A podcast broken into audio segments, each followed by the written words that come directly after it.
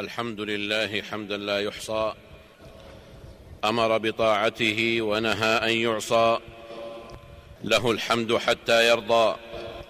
وله الحمد إذا رضي. وله الحمد بعد الرضا. وله الحمد على كل حال. وأشهد أن لا إله إلا الله وحده لا شريك له. وأشهد أن محمدا عبد الله ورسوله. خير من صلى وقام وحج بيت الله وصام. بعثه الله بالحنيفية السمحة فبلغ الرسالة فبلغ رسالة ربه حق البلاغ وأقام الحجة على العباد بشيرا ونذيرا وداعيا إلى الله بإذنه وسراجا منيرا. فصلوات الله وسلامه عليه وعلى آل بيته الطيبين الطاهرين وعلى أزواجه أمهات المؤمنين وعلى من تبعهم بإحسان إلى يوم الدين وسلم تسليما كثيرا. أما بعد فإن أحسن الحديث كتاب الله وخير الهدي هدي محمد صلى الله عليه وسلم وشر الأمور محدثاتها وكل محدثة بدعة وكل بدعة ضلالة. وعليكم بتقوى الله في السر والعلن والغضب والرضا. فاتقوا الله يا أولي الألباب لعلكم تفلحون. عباد الله إن الإنسان الموفق هو ذلكم الرضي القنوع الذي يراه الناس على حقيقته كما هو دون تزويق أو تكلف. عرف قدره قبل أن يعرفه الناس. سمته البساطة والسماحة. فهو لا يتكلف مفقودا ولا يبخل بموجود. يحب أن يراه الناس على صورته الحقيقية كما يحب هو أن يراهم كذلك. لا تجده بليدا يتكلف الذكاء ولا بخيلا يتكلف الكرم ولا فقيرا يتكلف الغنى. وإنما يمد رجليه على قدر لحافه ويأكل مما يليه. لأن حقيقة التكلف هي تصنع وإظهار سلوك خلاف الحقيقة. ومن كان لا يغنيه ما يكفيه فكل ما في الأرض لا يغنيه. قال ابن المنذر رحمه الله علامة المتكلف ثلاث أن ينازل من فوقه ويتعاطى ما لا ينال ويقول ما لا يعلم. عباد الله إن كلمة تكلف تشعر المستمع بداهة أنه الخروج عن المعتاد والمبالغة في تطلب ما يشق ويصعب وما ليس له أو ليس بإمكانه. وهذا خروج عن الأدب النبوي والوسط المرعي. فإن النبي صلى الله عليه وسلم وهو خير عباد الله وأكرمهم وأجودهم وأشجعهم لم يكن متكلفا قط. ولا متصنعا قط. حتى في دعوته وتبليغ رسالة ربه لم يكن كذلك. فكيف بعاداته وشمائله؟ وهو الذي قال له ربه قل ما أسألكم عليه من أجر وما أنا من المتكلفين. أي من المتصنعين المتحلين بما ليسوا من أهله. وإن من اسمى ما بعث به بشيرا ونذيرا أن يبلغهم بأن الله لا يكلف نفسا إلا وسعها فلم يكلفهم بما لا يطيقون بل إنه لهم رحمة مهداة ونعمة مسداة. يحل لهم الطيبات ويحرم عليهم الخبائث ويضع عنهم إصرهم والأغلال التي كانت عليهم. إن التكلف ما كان في شيء إلا شانه ولا نزع من شيء إلا زانه. وقد أحسن من عاش كما هو دون تزويق أو تكلف ليقينه بأنه لن يعيش هنيا رضيا إلا بحقيقته. وما التزويق والتكلف زيادة له في الجاه ولا طولا له في العمر. وإذا كان التكلف بريد الإسراف والمراءاه والفشل فإن ترك التكلف بريد القناعة والتواضع والفلاح. وإن تواضع المرء وإن تواضع المرء لربه ثم ثقته بنفسه يقودانه إلى الا يلبس لبوسا غير لبوسه ولا أن يتكلف ما ليس بحوزته أو يبخل بما في يده. ولا تلبس لباسا لست منه فلن ترقى بهن ليس هنك. ولا تزعم دراية كل فن فلن تحظى بفن ليس فنك. فإن رمت التكلف تهت فيه وخبت إذا أضعت به مكنك. وهذا كله عباد الله لا يعني أنه حث على تصنع البساطة أنه حث على تصنع البساطة والتواضع. كلا. فإن ذلك تكلف ممقوت أيضا. قال أنس بن مالك كنا عند عمر فقال نهينا عن التكلف رواه البخاري. إن البساطة عباد الله وعدم التكلف سبب في الاستقرار الاجتماعي وتجانسه وكسر صوته الذي يجلد به الرضا والقناعة. وإن من المحزن جدا أن يرى المرء كثيرا من عادات الناس الاجتماعية تتقاذفها مضارب التكلف في اتجاهات شتى تخرجها عن سيطرة العقل والمنطق. إما هروبا من تعيير وإما طلبا للمباهاة وإما شدا لانتباه الآخرين.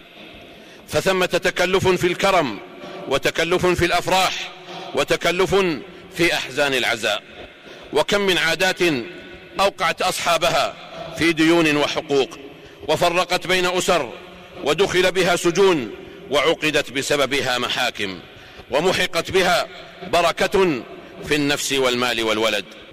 وما أكثر القريبين الذين أبعدهم التكلف وأهل الكرم الذين أفقرهم والمستورين الذين كشفهم. ولا ريب عباد الله أن الإسلام يحض على الكرم لكنه ينهى عن التكلف. ويحب الجمال لكنه يبغض التصنع. والمسلم الواعي والمسلم الواعي لا يتكلف ولا يكلف غيره. فإن التكلف والتصنع عدو القناعة والرضا. وإن المتكلف لن يذوق طعم الراحة حتى يتركه. ولن يتركه حتى يلزم القماء ولن يتركه حتى يلزم القناعة. فإنها ترفع النفس إلى علو لا تبلغه بالتكلف. وقد أحسن من قال هي القناعة فالزمها تعش ملكا لو لم يكن لك إلا راحة البدن. والحاصل عباد الله أن البساطة توسط بين تكلف مفرط وإهمال مفرط. والمتكلفون كلابس الأقنعة فهي لا تدوم على وجوههم أبدا لأن الحقيقة أطول عمرا من التزوير. ومن هذه حاله كيف يثق بنفسه؟ بل كيف يثق به الآخرون؟ إن أمثاله بلا ريب لم يلجأوا إلى التكلف إلا لإحساسهم بالخوف وشعورهم بالنقص ومراقبتهم الناس أكثر من مراقبتهم أنفسهم. تركوا استعمال أنفسهم بما وهبهم الله فتقمصوا ما وهبه الله غيرهم. ولو أن كل إنسان عاش في دنياه بما مكنه الله لما احتاج إلى أن يبني عاداته على شفا جرف هار لينهار به في وادي التصنع المهلك.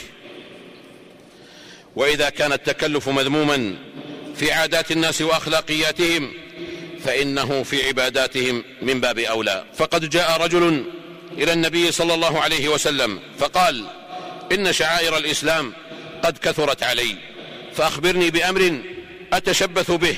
قال لا يزال لسانك رطبا من, من ذكر الله. رواه الترمذي.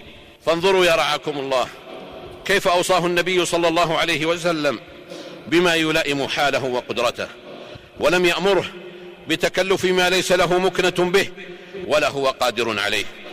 وقد أحسن من انتهى إلى ما علم من نفسه وطاقته. قال عبد الله ابن, ابن عمرو بن العاص. قال عبد الله بن عمرو بن العاص أخبر النبي صلى الله عليه وسلم أني أقول والله لأصومن النهار ولأقومن الليل ولأقومن لأصومن النهار ولأقومن الليل ما عشت. فقال رسول الله صلى الله عليه وسلم أنت الذي تقول ذلك؟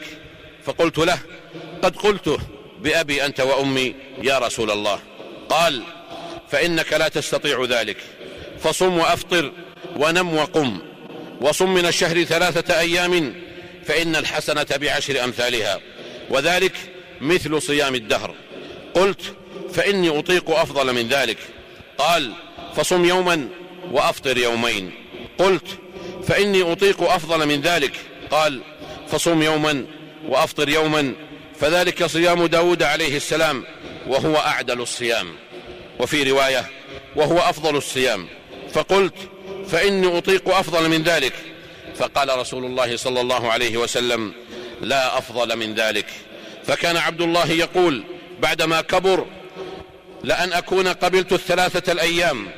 التي قال رسول الله صلى الله عليه وسلم أحب إلي من أهلي ومالي. رواه مسلم. ولقد صدق الله. يريد الله أن يخفف عنكم وخلق الإنسان ضعيفا. بارك الله لي ولكم في الكتاب والسنة ونفعني وإياكم بما فيهما من الآيات والذكر والحكمة. أقول قولي هذا وأستغفر الله لي ولكم ولسائر المسلمين والمسلمات من كل ذنب وخطيئة فاستغفروه وتوبوا إليه.